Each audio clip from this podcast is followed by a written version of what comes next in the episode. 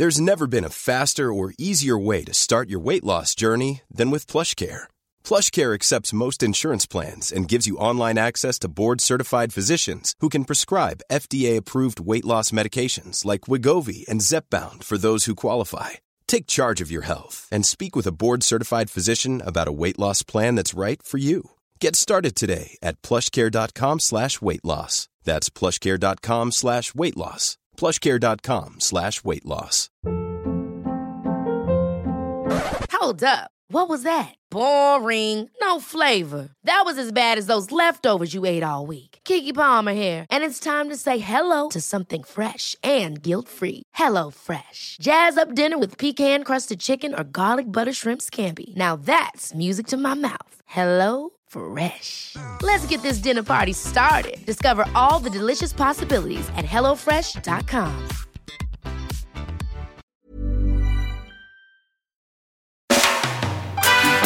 Hej och välkommen till I väntan på katastrofen. Jag heter Kalle Zackari Wahlström. Vad heter du Patrik Sellman? Ja, jag heter Patrik Sellman fortfarande. Kul! Välkommen till podden Patrik. Hur är läget? ja, det är jättebra. Jag har ju... Fast det är mycket ska jag säga också. Jag fick, hade Ja, det ju berättat om mina ryggproblem tidigare. Jag tappade ju tre veckor mitt i den mest hektiska perioden. Så att nu är det... Det är eh, lite pressat ska jag säga. Det är bara Men vad kan man göra annat än att mölja på alltså? Men jag har varit på scoutläger. Åh! Gud vad kul. Ja, det är faktiskt riktigt... Eh, ja, jag, jag eh, har varit där med min dotter som jag driver en liten scoutkår med.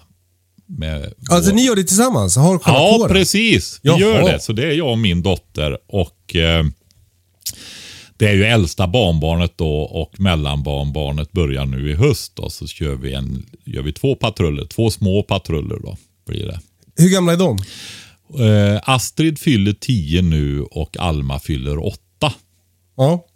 Så, eh, så de är det. Men då har vi ju varit på ett sånt här läger uppe i Ladtjärnstorp.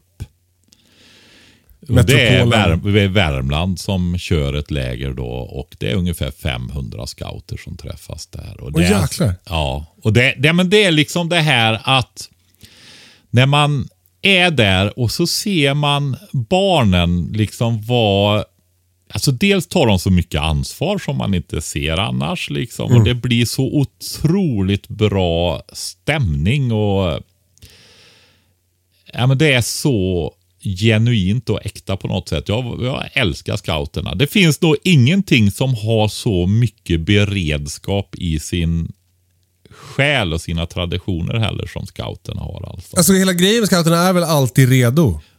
Precis. Var Det- redo. Alltid redo. redo, det är ju att ha beredskap. Exakt. Alltså jag, jag tycker att scouterna är det finaste vi har. Ja, för mig är det så. Jag, man eh, vill inte... Jag tycker allt ungdomsarbete är otroligt bra. Vi har hållit på mycket med fotboll i vår familj när våra barn var eh, mindre. då. Och min dotter var i scouterna med, så jag var faktiskt med till Ladtjärnstorp eh, för över 20 år sedan. Då. Ja. Två somrar. ja det, det pirrade ju till eh, för någon vecka sedan när Essa sa att hon var sugen på scouterna. Det blev jag väldigt glad av. Men hoppa på det alltså, för det är ju... Ja, men, jag... Det fanns inga scouter när jag var liten. Min pappa han pratade alltid om scouterna och var så stolt över att han hade varit senior scoutledare till och med. Och, Alltså för eh, pensionärer. vad sa du? För pensionärer. Nej, men det är väl lite eh, äldre. Alltså senior är att man är äldre. Jag tänkte senior Ja, junior, är... senior. Det är nog mer strax över junior. Alltså jag tänkte som seniorgympa. Det är Ja, precis. pensionärsgympa. precis. Eh, nej, men de flesta sammanhang så är du väl senior typ när du blir 18-20 eller någonting. Just det, vuxen. Precis. Men eh, i alla fall, så vi hade ju scoutinvigning för några veckor sedan. Och då, då? då fick jag gå upp med mina små tjejer där. med 9, 10, 11-åringar. Alltså vi, jag blev också scoutinvigd, Kalle. Så nu är jag scout på riktigt! Är det sant? Ja! Äntligen! ja! Ja det, jag, jag tyckte att det kändes. Och det man gör när man invigs då. Förutom lite tal och sådär och vad det är för någonting och så. Så, så är det ju faktiskt att man eh, lovar att följa scoutlagen. Som är sju eh, regler då. Som, som man ska följa. Så gott man kan. Det känns viktigt. Ja, det är det. Men Man behöver ju inte räkna upp dem då. Men egentligen så handlar ju alltihopa om att försöka vara en så bra människa man kan. Och ta hand om sig själv, ta hand om sina vänner och kamrater och naturen och så vidare. Så att liksom hela... Nej, det är... Underbart. Ja, det Varför är inte alla verkligen- scouter? Alla borde vara scouter. Ja, det borde de vara. Du, hur, hur, eh, hur går det odlingarna då? Jo, det går superbra gör det. Måste jag säga. Och det där med, jag gjorde ju ogräsbränningen där. Just det. Ja. Den, den beryktade. Berykt, be, berökade, eller beryktade ja. Eh, jo, jag hade ju två omgångar med morötter med en vecka. Vi sådde ju och provade såmaskiner där med småbrukarkursen. Och eh, jag la inte ut någon glasruta. Det, det blev det vanliga att jag kör lite på intuition. Eh, Berätta om glasrutetricket igen bara om folk har glömt bort det. Ja, just det. Jo, man utnyttjar det här att istället för att det blir ett problem att morötterna gror så långsamt så utnyttjar man det och gör det till en fördel istället. De kan ju ta alltså 15, 16, 20 dagar alltså på sig att komma upp, morötterna. Och då hinner ju väldigt mycket av ogräset att gro. I princip allt. Jo tack. Ja, det är ju så. Och liksom att ligga och handrensa morötter och gallra och hålla på där och försöka hitta dem där nere bland ogräset. Alltså, Det kan man ju ha och mista. ja, någonstans så lär man sig uppskatta morötter väldigt mycket också. De man lyckas rädda. Men eh, finns ju lite olika metoder då. Och fördröjd sådd är ju en. Att du låter ogräset gro och så krattar du och stör ut det här när det precis har kommit upp. Och så sår du sen. Då har du fått bort väldigt mycket. Eh, sen kan man faktiskt ta en liten kup, potatiskupare och dra upp en fåra också i raden och lägga i ogräsfri jord. Plantjord helt enkelt. Eller kompost och så i. Alltså ogräsfri kompost då. Ja, det var ju listigt. Ja, men sen provade jag här nu med gasol då i samarbete med gasoltuben får jag väl säga också då eftersom de ställde upp på detta. Så det, det är ju en sponsrad grej då. Och då brände jag på där och det visade sig ju att den där första sådden den hade ju gått för långt. För jag använde inte glasrutan och då är det ju så här att för att veta när, ja, för det kan variera, säg mellan 14 och 20 dagar då ungefär innan det Ja, det är ju svårt att veta. Ja, det är det va. Beroende på säsong, värme, fukt, alltihopa det här. Så lägger man en glasruta, en smal glasruta över raden. 5 till 5 cm bred, 20 cm lång kanske. Och då är det så att det blir växthuseffekt där. Så de morötterna under glasrutan de kommer ju upp 3-4 dagar tidigare än de andra. Så när de, kollar du det varje dag, nu har de kommit upp. Då är det dags. Då bränner du resten för då är de precis under ytan där. Men man får inte stå och nöta på ogräset. Utan det räcker liksom för det cellerna kokar i dem där ganska fort. Så det går längs med en jämn fin hastighet. Jag, jag tror jag gjorde lite för långsamt också. Kan ha gått, skulle kanske kunna ha gått om jag gick lite fortare. Även där. Men det som var i alla fall det är det att jag brände ju sönder där för jag såg de som var sådda en vecka senare. De kom ju upp. Så då förstod jag ju att det inte hade lyckats så bra där på, på första sådden. Eh, men då krattade jag och sådde om. Och det, då krattade jag ju så pass ytligt så det var ju inget ogräs där heller. Så det är liksom, i år har jag mina finaste morotsrader all Åh. time. Du vet så här,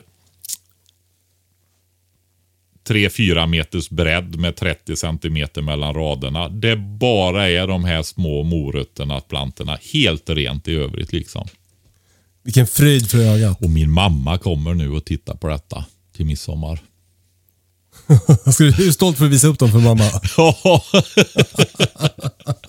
Du, alltså det har ju varit ett ganska intensivt ogräsår i år. ja. För det har ju regnat, alltså det har ju regnat som, inte regnat kanske jättemycket i mängd, men det har ju regnat med jämna mellanrum. Tillräckligt för att ogräset ska bli vattnas med jämna mellanrum och frodas i mina bäddar. Och Så- när du har hackat dem så kommer det regn på så de rotar om sig. Ja, men för det var ju så jättestor skillnad förra året. För förra året så regnade det ingenting här. Och Då var det jag som styrde bevattningen helt och hållet med min vattenspridare. Så då kunde jag ju hacka och sen vänta ett par dagar med att vattna. Så att allt ogräs som jag hade hackat dog. Ja, men det är ju det som är nyckeln. Ja, men i år så har regnet, eh, eh, universum har skött det där eh, eh, dåligt för mig, bra för ogräset. Så att jag har hackat och sen har det kommit regn. Och så har det rotat sig och så jag har fått hålla på. Ja, det har varit mycket, mycket rensning för mig i år. Ja. Och, eh, Det har varit en men- sån rädda ogräset-kampanj kanske. men, men jag skulle säga det, för det var, jag, kom, jag tänkte på en grej eh, angående det. För det, det är så lätt för mig, i alla fall för mig och kanske för andra också, att det blir som... eh, Man tittar på de där bäddarna och man ser allt ogräs och så hinner man inte rensa den dagen och så blir det bara som att det växer och växer och så blir det större och större för en själv och mer och mer ångest. Och till slut så kan jag nästan få som en blockering att jag liksom inte orkar ta tag i det för det känns, för, det känns liksom övermäktigt. Men, men, men då kom jag på en grej, som, och det här är väl, alltså det här kanske ni vet, och det här är väl så här, liksom, motivationsföreläsning 1A. Alltså s- se glaset som halvfullt. Men jag, jag, jag kom på att, liksom, jag, jag, för mig är ju odling en, en grej jag tycker väldigt mycket om. Jag, det är en hobby för mig. Jag, jag älskar att odla, eh, framförallt mat. Eh, och så bara kom jag på här, ja men ogräsrensningen är ju en del av det. Och, och, och då blev det nästan som att, att det blev som en härlig grej att rensa ogräs. Förstår du? Ja, jo, jag förstår precis. Och, och det, så då, då kunde jag liksom finna njutning i att göra fint runt mina plantor och så här. Och då, då, då blev det mycket lättare att ta tag i. Så då, nu kan jag nästan längta efter att gå ut och rycka lite svinmåla i, i mina kolbäddar. Så, så, så det har liksom gjort ett som en lite hjärngympa. Jag har liksom krumbuktat om från att vara en ångest till att vara något som jag ser fram emot. Ja, Jag ville bara dela det. Ja, ja, men jag förstår precis det där. Jag, jag är väl ingen eh, stor kryprensare precis, fast jag är jättestor kryprensare när jag väl kryprensar. För Men- stor. Ja, precis. Ja, lite så är det. Men vi pratade faktiskt om det senaste småbrukarkursen här. Var det några kvinnor som älskade att rensa ogräs. Mm. Och jag, jag kan förstå det. Mm. Eh, och eh, det, jag berättar ju för rätt många program sedan där att eh, för 20, knappt 20 år sedan så var jag eh, riktigt, riktigt dålig. Totalt uttömt på energi allting. Och jag gick en eh, intensivkurs i vad får man energi av och vad får man inte energi av. För då märker ju du det. Det blir liksom superkänsligt.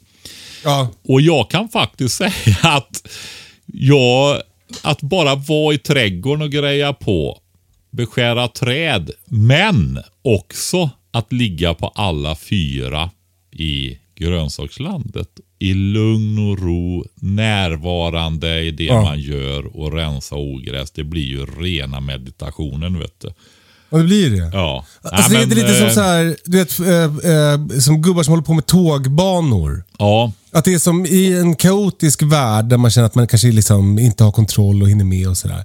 Så blir ju liksom min palsternacksbädd blir ju en, som ett eget universum som jag kan få kontroll över. Som jag kan liksom eh, styra upp och göra perfekt. Och, och den tillfredsställelsen som det ger mig är jättemycket värd.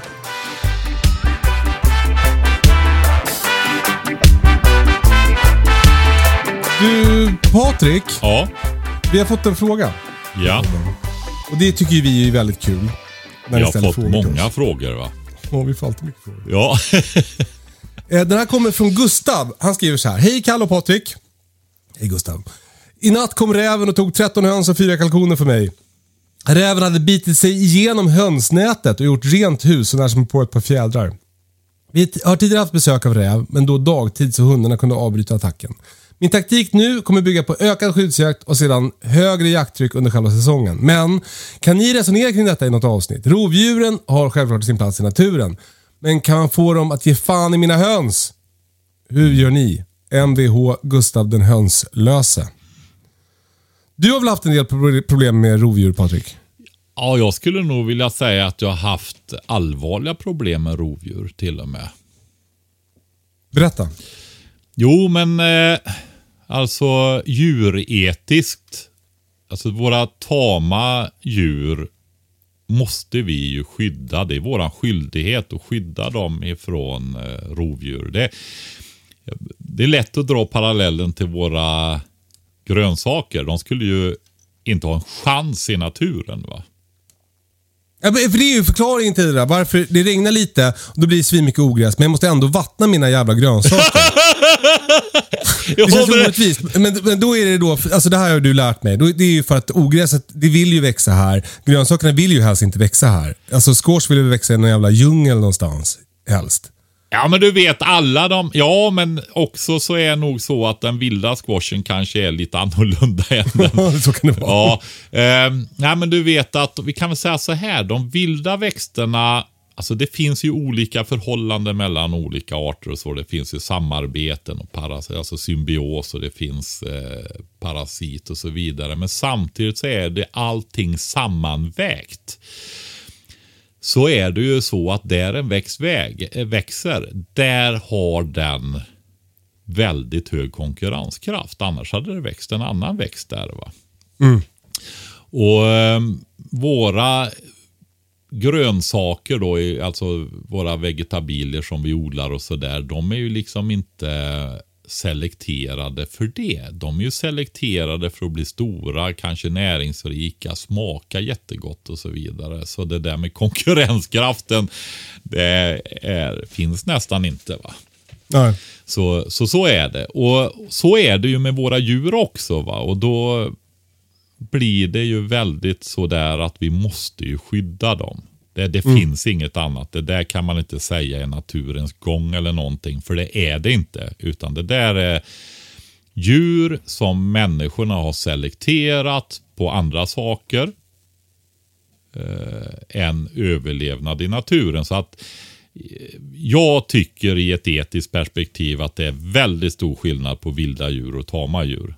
Mm. Alltså det, för mig är det tydligt i alla fall. Mm. Ja, men jag tycker också att det är tydligt. Jag, jag, jag har inte haft jättestora problem med, men jag har fått några ankor tagna av räv och lite höns tagna av duvhök och sådär. Mm. Och man känner sig alltid jävligt rutten. När, när det du har svikit. Det värsta är när de tog en gåsakar en gång. Och jag, efteråt så ser jag ju signalerna. Han stod vid grinden och ville komma ut med mig. Mm. Han visste att det var något på gång alltså. Mm. Och på morgonen så var han borta. va. Usch. Jag kände ett sånt, för det, det, är ju en sån fågel som man också har en ganska stark personlig relation till. Och där var mm. jag, levde jag inte upp till min eh, mitt ansvar riktigt tyckte jag. Då. Jag borde ha läst av det där. då. Ja. Men hur som helst så, så är det så att man måste göra vad man kan för detta. Men sen misslyckas man ju. Det går ju aldrig. Det är ingen perfekt värld va, på det viset. Utan... Nej, och vi ska också säga vi vill inte rävshamea Gustav. Utan det, alltså, vi fattar att han har gjort så gott han har kunnat. Ja, men absolut. Och jag har gjort det också. Men när man märker då att det inte räcker, då måste man ju börja vidta mer åtgärder. Va? Så är mm. det. Och han har ju det, ett ökat jakttryck. Man förstår ju historiskt när man var mer beroende av de här djuren för sin överlevnad, när marginalerna var mycket mindre. Att alltså det var viktigt att lägga eh, tid på jakt utav mård, grävling, räv, vad har vi mer? Ja, du har ju vargen mink. med. Ja, mink också. Men den är ju ganska, det är ju 1900-tals. Det är ju en som har kommit in ifrån odlingar som har rymt. Va? Men den, den har ju inte funnits så historiskt. Men eh, Nej, men att det har varit värt för dem att hålla tillbaka det. De har ju varit tvungna till det helt enkelt. Mm. Och att gårdvaren har haft sin plats, alltså hunden, gårdshunden då. Att skydda djuren på dagtid framför allt då. Ja. Så är det. Men eh, det jag kan säga är ju det här hundsnätet där, det kan man ju sluta använda alltså. Jag vet egentligen inte. Det är ju lite att hålla hönsen instängda möjligtvis. Men du Ja, men det, alltså, det funkar inte ens för, alltså, Jag tror att mina höns, i alla fall några av mina höns har kommit på att de kan bita sönder hönsnätet. Ja, men inte Bielefelder va? nej, nej, nej, nej, nej, nej, nej. Vet du, jag fick faktiskt plus på Bielefeld. Vi hade fest här i helgen, så var det en, en som hade varit inne och, och hälsat på mina höns. Ja. Och, eh, hon, och då sa hon så här, vad, vad är det för underbara, stora, spräckliga, sociala höns du Ja. har? Då sa jag, det här är Bielefeld, de har fått av Patrik. Vad bra Kalle! Men jag har några andra som jag fått av min kompis eh, Tore och Andreas. Ja. Jag har fått ägg av honom som jag har kläckt. Och de är svarta, jag kommer inte ihåg vad de heter. De heter Sothöns är ju en vild fågel, men något... Bohushöna kanske. En li- ganska liten svart höna. Små skygg... Alltså typ, man ser nästan aldrig till dem. skygga som vild, som orrar liksom. Ja. Och så... Och de, är liksom allt, de rymmer alltid. Och så vill de, de vill gå in på kvällarna. Ja. Så då öppnar jag och så, så går de in. Men så, så bara på dagen så är de bara ute. Jag fattar inte hur de gör, men jag hittar liksom nya hål i staketet hela tiden också. Så jag tror att de, det är någon jävla järnnäbb bland de där som biter sönder staketet. Försvinner som en svart skugga. Men vad ska jag ha mina ninjahöns? Precis. Ja, men, men, och lägger ägg någonstans där du inte hittar dem. ja, men och så kommer de ju sådär med åtta kycklingar plötsligt. Ja. Det är, det, ju- det är ju kul på det sättet. ja. Det där, man kan ju säga att det är ju lite ninjahöns det där. Du, du, för, om vi tar, det är ju Bohus västkust då va. Och eh, du har de här klipporna och du har de här små fiskatorpen som ligger där inne i eh, sänkorna innanför. i- Med lite grästuvor här och var va. Och de där hönorna är ju små va. Det är ju små överlevnadskonstnärer. De fick ju gå omkring där i, i den här djungelmiljön, vet du. Torra. Och försöka hitta lite mat och grejer och eh, lägga ett och annat ägg då va. Så att det är väl bland de, måste vara bland de härdigaste och tuffaste lanthönsen vi har då. Jag känner mig lite dum när jag, börjar prata om det där med att de kommer med kycklingar. För, och att, apropå det här att skydda sina tamdjur. För att jag har haft två hönor som har eh, eh, ruvat på eh, undisclosed locations. Jag hittade bland annat ett, eh, en som låg under, eh, under veden. Eh, och totalt så fick jag ihop, de, de kom med tio kycklingar tillsammans. Och eh, eh, jag tänkte så här, "Nej, men nu låter jag dem bara vara. Istället för att ja, men du vet, bura in alla kycklingar så här för att skydda dem och värmelampa och speciellt foder. Och, så lät jag dem istället lösa det själva. Eh, och det gick jättebra ett tag, men nu är det väldigt få kycklingar kvar. Jag tror att det är min katt som tar dem. Ja, katt är ju... Ja, Ja, jag, ska, jag Ja. tänker så här, vi tappar hälften av lyssnarna om jag börjar prata om katter. Jag har haft katter också, men jag har slutat med katter. Ja, Jag ja men tycker- katter är ju toppen på många sätt. Ja, det är de. Men de är ju väldigt, väldigt bra rovdjur på, på gott och ont. Ja, det är det. Men de tar ju fåglar, va? Det är ju så. Ja. Men också sorkar. Ja. Men i alla fall, det här staketet då, hönsnätet, det är du emot. Vad ska man ha istället? Alltså du måste ha kraftigare nät. Jag har ju gjort så här att jag har ett perifert nät då, alltså runt min tomtgräns. Eller har man en större mark då så kan man ha det runt gårdcentrum. egentligen då. Där man har smådjur och trädgårdsodlingar och sånt. Jag måste ju även skydda mig. För det här är en sak jag pratar om på småbrukarkurserna. Både djuretiken men också just det här med eh, Alltså, jag bor ju, du har ju varit här, du vet ju det. Du, ja, det är ju en litet ställe mitt ute i taigan ungefär, va? bland granar och tallar och, och, och det här. Och eh, om man inte värjer sig emot naturen här så mosar den ju sönder den här platsen. Va? Ja, ja. Du ska se Ja, det hur det jävla äppelträden ser ut när älgen har varit här. Liksom. Ja. Stumpa på det är fyra centimeter i diameter kvar nästan. va. Ja. ja. Jo men det, är, alltså, det var grova grenar älgen äter. Man tror inte det är sant va. hydraulisk häcksax. Ja, precis. Eh, rådjur, harar, allting va. Det bara kommer. Du, vad då grönsaker? Det är ju borta. Ja, så att eh, så är det. Och det är samma med hundarna som är här. Och de är ju väldigt inne på eh, fåglar. Både skator och rovfåglar. Och det blir rena alarmet här ute när det kommer rovfåglar över då. Va? Gud vad härligt. Ja, eh, det är det faktiskt. Och se, det är just det här hur det sluter upp alla. Nu är det vi mot världen. så här. Hustrun springer och klappar i händerna och hundarna. ja, så är det. Jag skulle inte vilja vara skata. Nej, ja, men de, eh, det finns en del skator här. Det gör väl det runt, runt gårdar. Men jag har ett grövre nät. Det kallas för plantskyddsstängsel. Och det måste jag väl säga att jag rekommenderar. Och det, det är ju som ett fårnät då, sådana trådar. Det finns olika grovlekar på trådarna med. Jag har valt det tunnare och det är verkligen starkt nog i vårat syfte i alla fall. Och lite grann för att då eh, diffuseras ju det mer och inte det blir så kraftigt stängsel. Rent vis-? Ja, visuellt. Ja, ja, ja. Ja, att det är tunnare trådar så ser du det liksom inte på avstånd helt enkelt. just det. Och sen har jag ju Robinja-stolpar, men jag fick höra nu senast när jag pratade om dem att de hade blivit riktigt dyra. Det är väl det där med att begränsa tillgång och så ökar efterfrågan då. Men eh, de har jag och det är också det där att de grånar ju och de har inte de där svarvade onaturliga formen så att de flyter liksom in i naturen rätt bra med så det blir inte så kraftig markering. Den är, det är lite kamouflerat stängslet på något sätt kan man säga. Plus att jag använder det ju som spaljer väldigt mycket. Det blir jättebra som det. Okej. Ja. Bo- Både vindruvor och äppleträd och andra. Ja, uppe mot vägen så är det ju syrenbuskar men där är det ju inte spaljer då utan då är det ju att de är satta på insidan och när de växer upp så kommer ju stängslet att vara inne i syrenhäcken då i princip. Så att Just det. det försvinner. Ja, fint det låter. Ja, jo, nu börjar den. Det har tagit några år att få fart på syrenhäcken här och en del kompostjord och så. Men eh, nu börjar den eh, vara ett par meter. Eh, men, men eh, det här eh, stängslet skyddar mot räven eller? Ja, på ett sätt gör det ju det. Han kan ju inte bita sig igenom det här. Och just att det är plantskyddsstängsel gör ju också att om du tänker ett fårstängsel så har du ju loderäta på ett visst mellanrum. Vad kan det vara?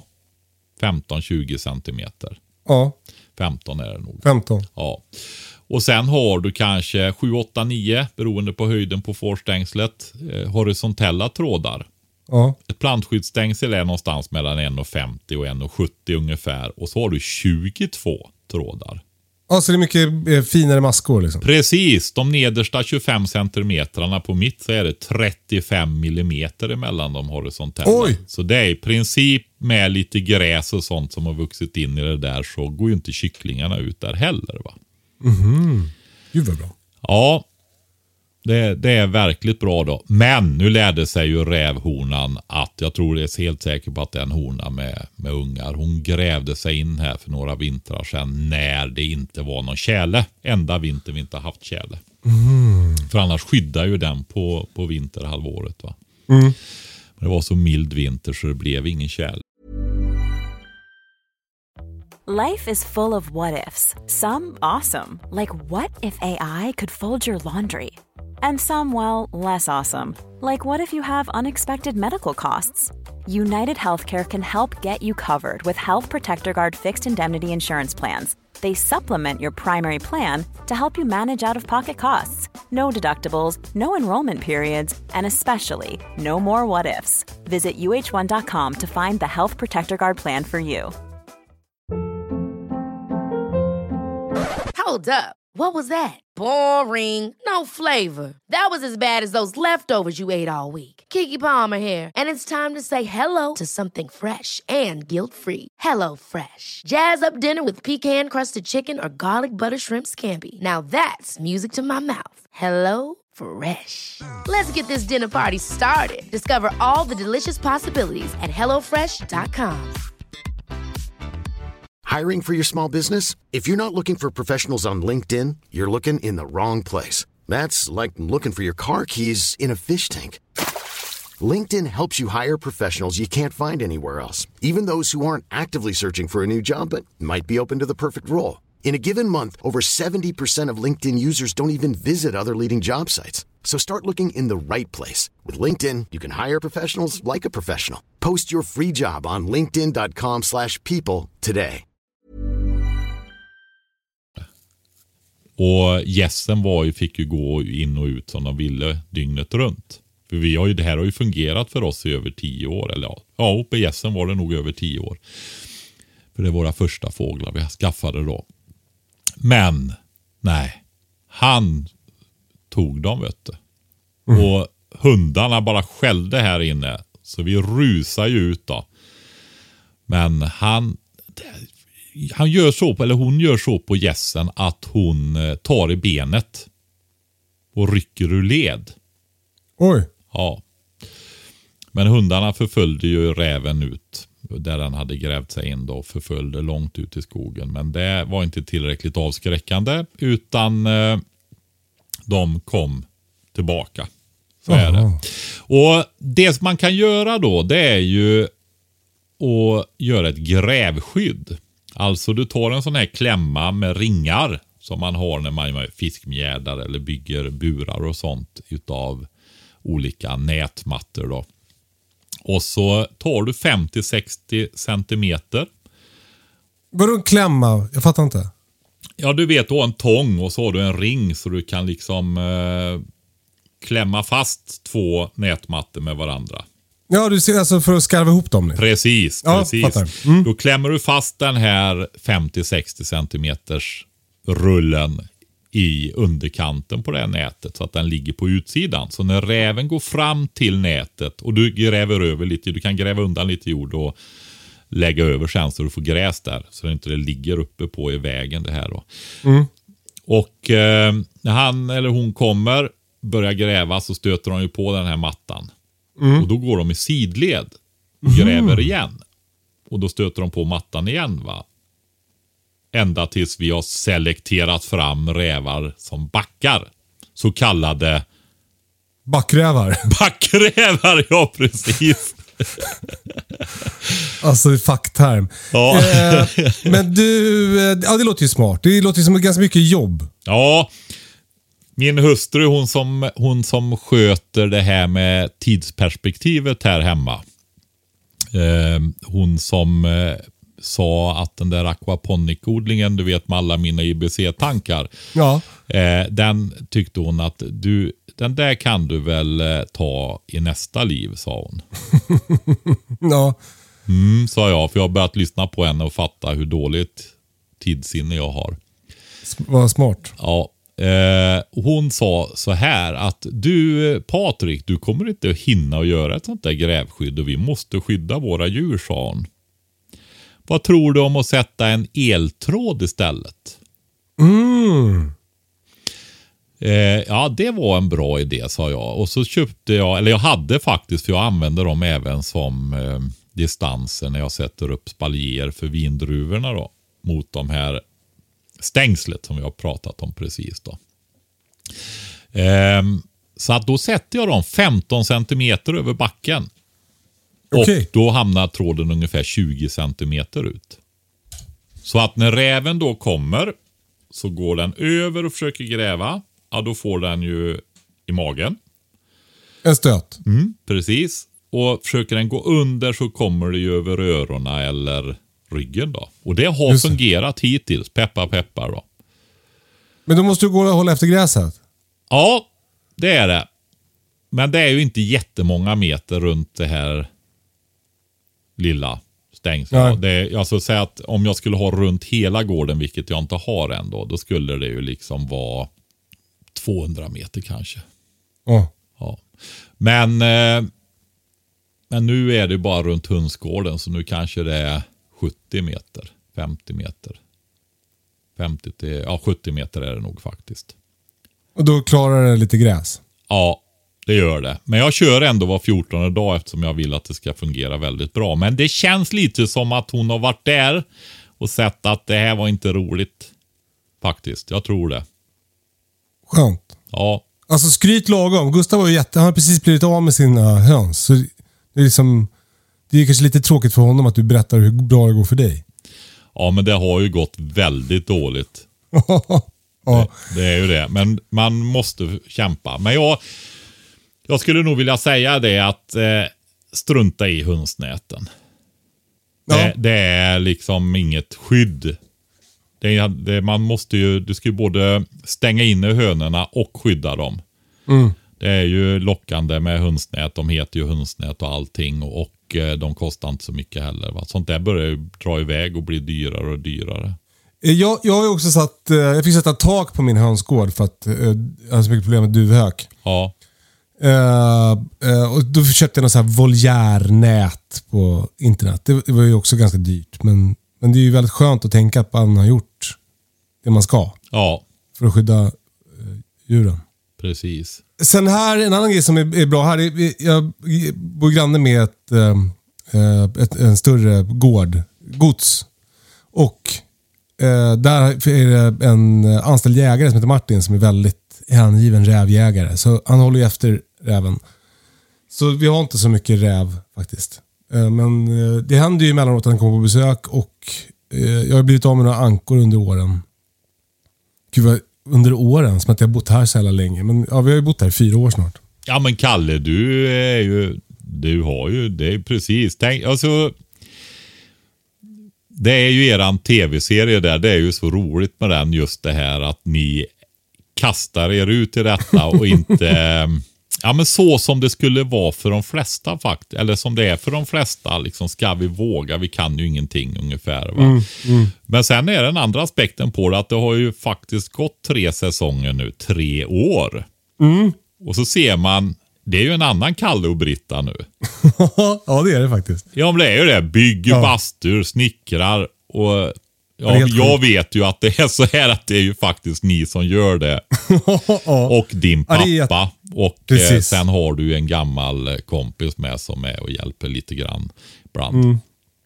Ja, det, det är mäktigt. Och det är också smidigt med tv-programmet att man, det är lätt att hålla reda på hur länge vi har bott här. För nu ska vi, har vi precis fått börjat filma fjärde säsongen av tv-programmet. Och då, då vet jag, då är det fjärde sommaren här på gården.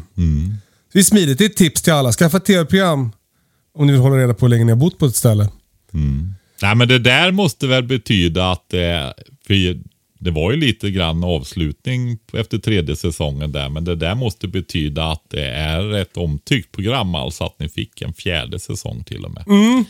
Ja, det, var, det satt ganska långt inne för oss eh, att säga ja till att göra en till säsong. Det, är ju lite speciellt det där att, att jobba hela sommaren. Alltså eh, när barnen är lediga, de har ju sommarlov liksom. Eh, När man ska bada och fiska och... Ja men exakt, det är ju det. Men nu filmar vi inte varje dag. Liksom. Men vi filmar ganska intensivt. Framförallt i år för att vi började mycket senare i år än vanligt. Men det kändes så kul att göra. Alltså vi, tänk, vi resonerade lite så här. Dels är det så många som tittar och som tjatar om att vi ska göra mer tv-program och så här. Men sen är det också, vi kommer ju ändå göra massa grejer här. Det är väl lika bra att filma det. Ja, Alltså det är inte som att livet stannar av på gården. Så, så ja. Det, nej är men kul. det kommer att bli jättebra tror jag faktiskt. Det finns ju utrymme för att göra hur mycket som helst egentligen. Så är det ju. Du skulle kunna Vi- hålla på 20 säsonger också. Vi har börjat med eh, att anlägga en klosterträdgård. Mm. Vet du vad en klosterträdgård är? Ja. Eh, Perfekt, för det vet inte vi. nej, men eh, tittar man på det historiskt då så eller vet och vet. Alltså det som utmärker en klosterträdgård är ju ett eh, mönster kan man säga. Att man organiserar trädgården i, i symmetriska mönster på olika sätt. Va? Ja, Det var bra information. För eh, det, vi, När vi gissade vad, vad en klosterträdgård var så var det att vi, man tänkte att där hade liksom eh, man eh, resurser och tid att odla sånt som inte bara mättade magar. Är du med? Alltså att det var mycket medicinalväxter. Ja, men det, precis och- och det är det ju. Kryddor och medicinalväxter och sånt är det ju också då organiserat i olika typer av mönster då. Var väldigt vanligt. Ja, kul. Alltså det kommer ni få se i fjärde säsongen av TV-programmet. Eh, eh, jag känner att vi kommer liksom lite vid sidan av Gustavs fråga här nu. Men Gustav, du måste byta till något annat nät och det måste jag också tydligen. Grävskydd på något sätt. Fan vad man är osugen på att. När man har en hönsgård med hönsnät. Fan vad man är osugen på att riva den och göra ny. Bäh. Ja, ja. Du, du, du, där var du lite empatisk. ja. Ja. Eller, det var mest utifrån min eget... Alltså, jag också måste göra det. Har du, had, men had, har du hönsnät? Ja, Ja, just det. Och du har ju till och med hönor som går ut. exakt. Sitta där med ståltråd och försöka laga, du vet, det är fort. Sparar du in den arbetstiden.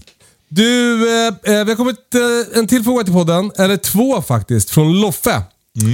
Eh, Loffe skriver, eh, jag är periodvis känslig för citronsyra. Eh, korsallergi tror jag, eller något. Eventuellt lite foliehattvarning. Vad Kul att du, fin insikt. Självinsikt där Loffe. Eh, många saft och syltrecept med mera innehåller citronsyra. Har ni tips på andra bra konserveringsmedel eller metoder för saft och sylt för någon som bor i stan? Tänkte testa syltsocker 1 plus 3. Brukar även frysa in saft i brist på för bra förvaring då jag bor i ett litet radhus. Vilket leder mig till fråga nummer två, som kommer snart. Vad säger du Patrik? Alltså citronsyra. Jag har varit dålig på att köra de här frukt och bärkonserveringarna på. Jag gör mest vin. Men om vi ska rassla lite i arkivet där nu så är, tänker jag så här. Citronsyra, alltså det som utmärker våra egna bär och frukter är lågt pH.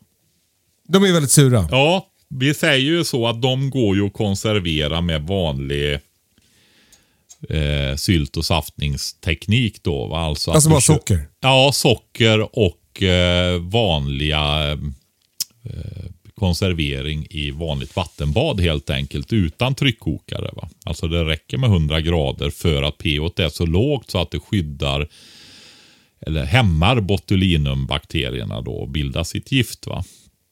Men det är väl också så... Alltså man behö, jag, jag, jag tror, eh, du får rätta mig om jag har fel, men att man inte ens behöver konservera vattenbad. Utan det räcker ju att koka sylten.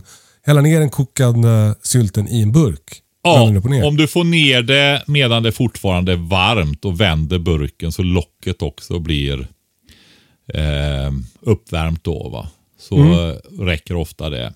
Jag eh, har lite lägre, jag gör, det jag gör då när jag gör en del, det är ju äpplemos. Och jag gillar att ha lite lägre sockerhalt där. Eh, och då gör jag så att jag kokar dem i, eh, sjuder dem i ett vattenbad sen också då. Va?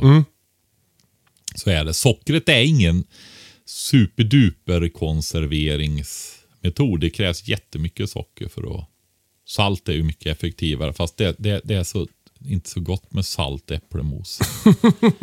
Men lite salt i kan nog vara.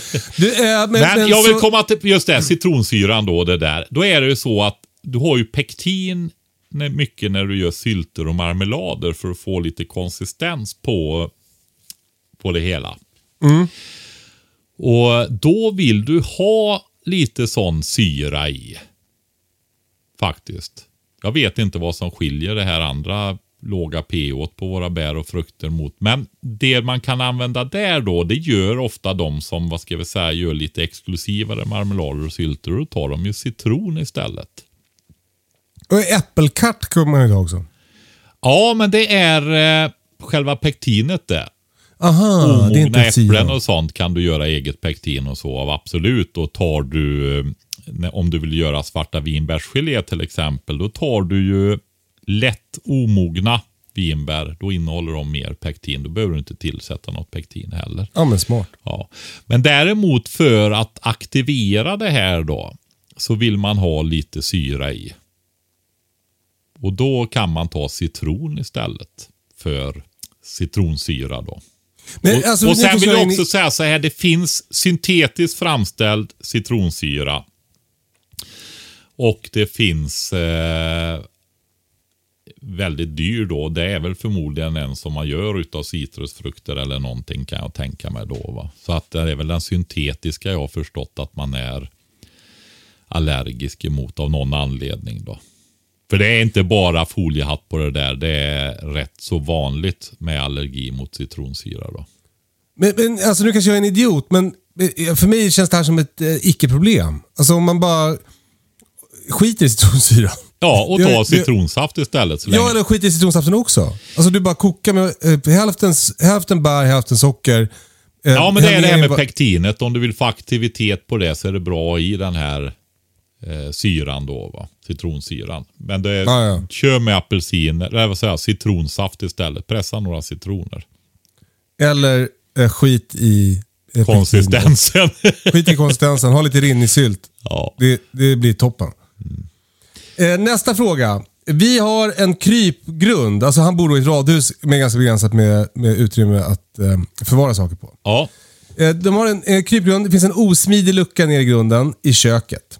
Jag har funderat på att fixa till den med bra eh, och relativt osynliga gångjärn och så vidare. Då har jag funderat kring att det kanske skulle kunna fungera som en liten jordkällare.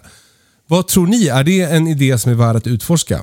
Alternativet är att använda ett skåp i ett garage där det är mörkt och brukar vara svalt på sommaren och kallt på vintern. Mvh Loffe. Vad säger du om krypgrunden Patrik? Alltså det finns ju mycket källare som har varit under hus. Så om man är stående eller krypande kanske inte helt avgörande. Det som är avgörande är ju hur kallt blir det? Eller hur varmt blir det? Hur, vad är det för luftfuktighet och så? Det här med luftfuktigheten, det har vi ju varit inne på ganska många gånger. Just det här att man kan bättra upp. För att rotfrukter torkar ju väldigt fort. va? Så att våra gamla jordkällare, de hade ofta, eller de har jordgolv. Det finns med gjutna också, men eh, men då blir de ju lite torrare och många som gör nu då, de har ju makadam i botten. Just så att fukten kan gå upp, men det är ändå en ganska hållbar golvyta. Alltså inte blir geggig typ. Precis, precis. Eller en kombination av gjutna ytor och makadam då.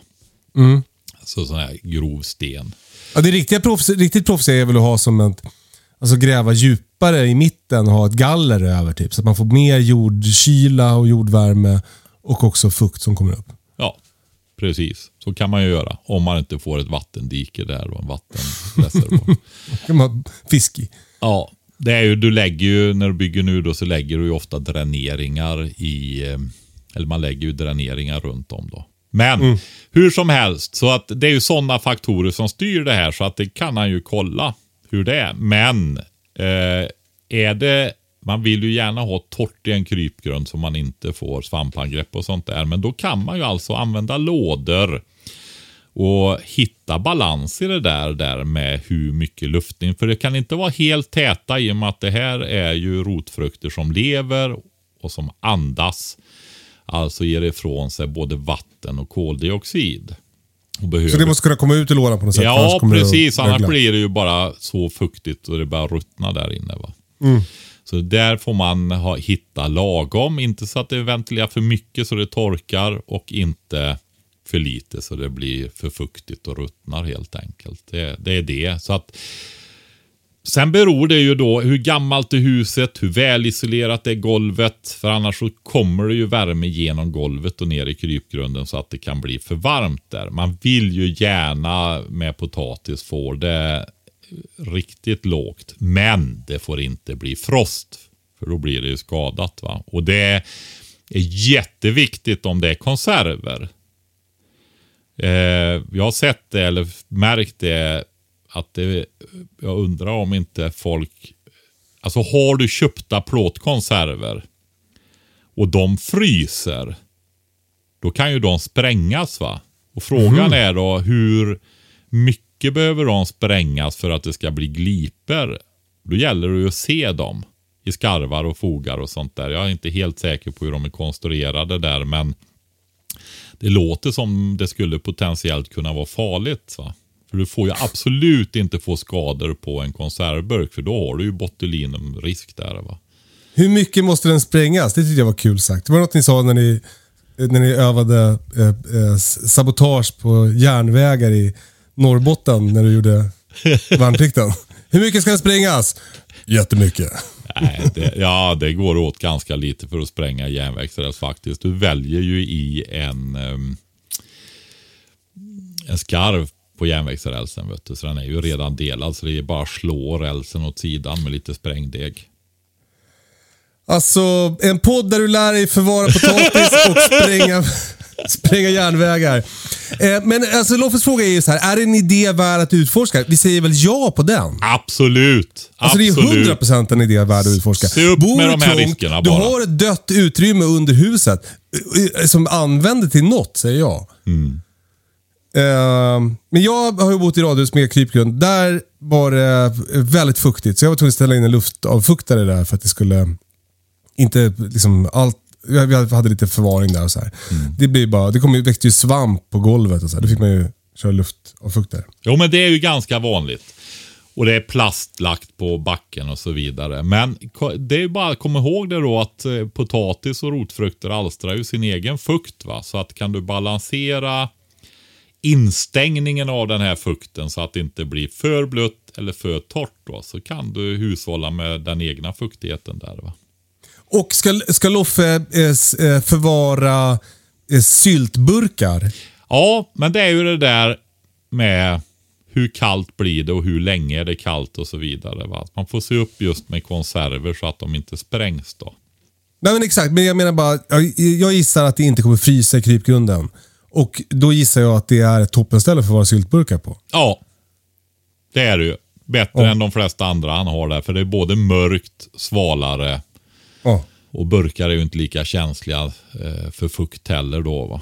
Rotfrukterna vill ha fukt men torrvaror och annat behöver ju inte ha det. Va? Men, eh, så det, det blir alldeles utmärkt. Kan bli alldeles utmärkt. Du, eh, eh, Patrik, jag, jag, innan vi skulle börja spela in idag så sa du att du ville prata lite om världsläget. Och nu har, har det gått eh, 50 minuter av podden och vi har ännu inte gjort det. Men jag känner att vi kanske behöver prata lite om världsläget. Vad, vad, vad tänker du? Alltså, eh, jag kommer ju... Jag har ju haft sån här luftvärmepump nu i några år och blivit riktigt skamligt bekväm faktiskt. Ja. Nej men alltså mitt hus, jag har ju den här stora bakugnen då som vi har eldat i ett kvartssekel när barnen växte upp varje vinter. Värmt hela huset med den där stora 3,5 tons kolossen. Och den står ju på ett fundament. Och det gör ju att det värmer ju upp det här fundamentet under också så att det blir varmt under husgrunden och det torkar ju ut så fint där nere då. Så huset mår ju väldigt bra av den här typen av värmekällor. Så det gäller ju gamla hus också. Och sen eh, murstocken som går upp och den värmer ju ovanför isoleringen på loftet också då. Va? Och, så att man borde ju elda lite mer, men det har jag inte gjort. Va? Och jag har inte haft, det här är lite skamligt, jag har ju inte haft faktiskt vedförråd för hela vintern. Va? Nej, jag har ju inte åt så mycket, men du behöver, jag skulle egentligen behöva Va? ha... res- Ja, men jag har ju ved ute runt omkring i högar. Va? Ska du Det säga som inte ens kollar att det är domkraft i bilen? Du ska inte hålla på och slänga sådana där. Du, du gjorde, du gjorde. Har du inte ved för vintern Sellman? Ja, det är inte... Nej, jag har ju Herregud. högar som det... Jag, skulle jag behöva så får jag gå ut och göra det då. Herregud. Men eh, nu i år så är det ju ingen tvekan längre. Det var det jag ville komma till. Det är skitallvarligt läge på energisidan i Europa. Va? Alltså det här Ja. kan bli en väldigt, väldigt hård vinter för Europa. Så är det. Så det är på den delen eh, med energin. Va? Alltså vi ser redan nu i juni ligger elpriset på 1,50 på vardagarna. Va? Ja. Det, ehm, Det är dyrt. ja, det här eh, det är ju ett eh, brer ju ut sig det här eh, kriget kan man säga. Va? Och ehm, på livsmedelssidan så är det också så att ja, vi kommer att få se bekymmer där. Så att kom ihåg det. Det är ju många som tycker vi pratar mycket odling, men jag tycker också att vi har varit småbrukandet och det här då, att vi har varit väldigt tydliga med det är kaloribrist som är svält Och det är svårt att producera kalorier i trädgårdsodling. Va? Det är näring och eh, smak, matupplevelse väldigt mycket som vi odlar där. Kalorierna är något som man i stor utsträckning får ha i lager om man vill ha lite längre tid. Va? Så glöm inte det. va. Jag har faktiskt eh, eh, sen sist, tror jag man kan säga, eh, eh, installerat en vedpanna hemma ju. Apropå energibesparing. Eh, och det här eh, det är inom ramen för ett sånt här sa- eh, samarbete. Så, så det är väl lite reklam. Jag ska eh, vara tydlig med det. Men, men eh, det är ett företag som heter Baxi som har installerat en, en eh, modern vedpanna i ett utrymme i min eh, lada, laggård.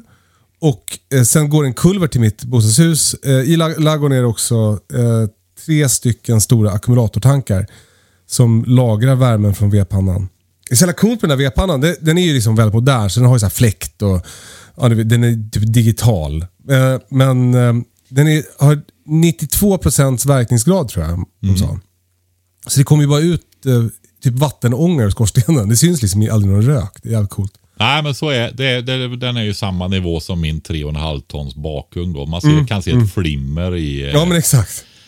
och den Ja, det- det har inget digitalt och den har ingen fläkt eller någonting. Alltså, Det är ingen det- tävling Patrik. Nej, men jag skulle bara säga det att faktum är att det går att göra eldstäder som i alla fall när den är igång och uppvärmd.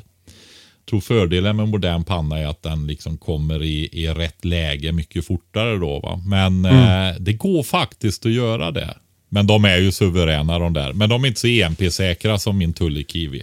Nej, de är inte så EMP-säkra. Men däremot så tog jag, jag tog lite faktiskt eh, eh, beredskapshöjd och gjorde så att eh, eh, eh, hela systemet går på stickkontakt. Så att jag kan driva mitt elverk väldigt enkelt. Ja, och eh, inverter. Exakt. Precis, men sen har ju du... Alltså den drar ju inte mycket ström en sån panna. Det är ju Nej. lite styrelektronik och cirkulationspumpar och det drar inte mycket ström. Nej. Jag tänker att det är väl bara att du sätter din solcellsanläggning och batteriet på att driva den där också och kopplar in Abs- den i det. Absolut. För du, absolut. har, du hade väl sådär att det var, gick den över i, vad ska vi kalla det, off-grid-läge. Alltså utan att inte, när strömmen går Mm. så stänger den av mycket i huset men försörjer vissa delar som ni har bestämt i förväg. Va? Är det inte så? Ja, men exakt. Alltså, vi har ju vattenpumpen och eh, lampor på nedervåningen och lite uttag och så, här, så man kan ladda telefoner och sånt. Ja, så man spar på batteriströmmen där så länge som möjligt. Det är det Ja, allra viktigaste. Och där kan man ju sätta in pannan också. Eller bilen kan man ju koppla in pannan i. Sådär. Ja, på inverter ja. Ja, Precis. exakt. Du har ju i din pickup en eh, inverter, alltså en som gör om bilbatteri 12 volt till 220 volt växelström. Men, men jag ska säga att det känns så jävla skönt. Alltså, och, upplägget med det här systemet då, det är ju att jag, jag eldar i vedpannan och då, då är det, är det liksom den värmen som sen eh, värmer upp huset och ger oss eh, oändligt med varmvatten och sådär. Men om vi inte orkar elda så har vi en, en luftvärmepump som kliver in. Och eh, eh, om luftvärmepumpen av någon anledning skulle lägga av så har vi en liten varmvattenberedare eh, som i alla fall ger oss varmvatten i huset. Och då räknade jag eh, eh, på det där. Och det är ju då eh, först vedpanna 1, luftvärmepump 2, varmvattenberedare 3. Jag, jag känner någon som brukar prata om tre grejer som någon typ av redundansregel. Kan det stämma Patrik? Mm. Det är ett heligt tal. Men du har, så också en, du har också en Vasaugn, så du har till Ja. och med fyra, Kalle.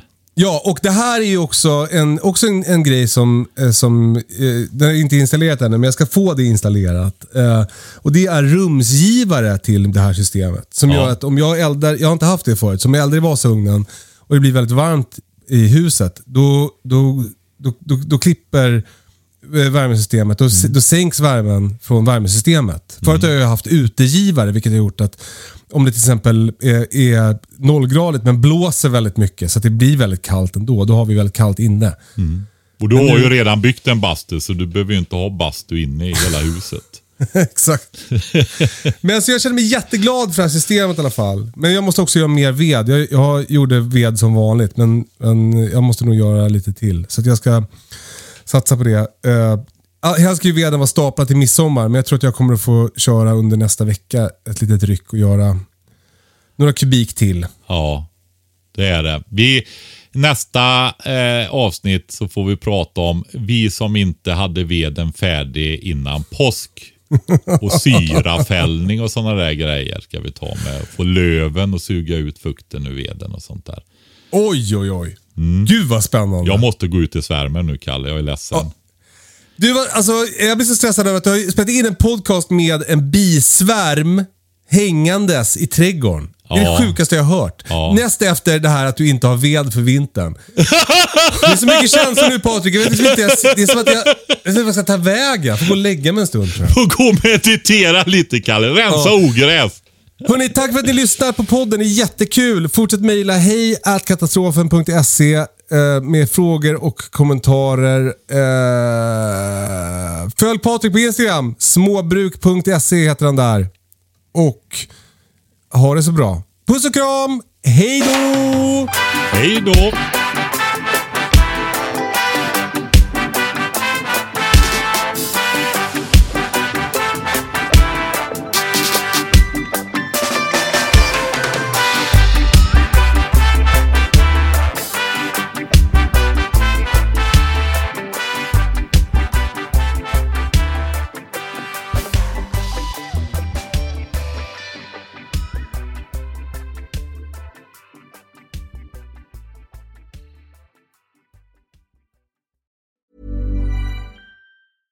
Ever catch yourself eating the same flavorless dinner three days in a row? Dreaming of something better? Well, HelloFresh is your guilt free dream come true, baby. It's me, Gigi Palmer. Let's wake up those taste buds with hot, juicy pecan crusted chicken or garlic butter shrimp scampi. Mm. Hello Fresh. Stop dreaming of all the delicious possibilities and dig in at HelloFresh.com. Let's get this dinner party started. Mom deserves the best, and there's no better place to shop for Mother's Day than Whole Foods Market. They're your destination for unbeatable savings, from premium gifts to show-stopping flowers and irresistible desserts. Start by saving 33% with Prime on all body care and candles. Then get a 15-stem bunch of tulips for just $9.99 each with Prime. Round out Mom's menu with festive rosé, irresistible berry chantilly cake, and more special treats. Come celebrate Mother's Day at Whole Foods Market.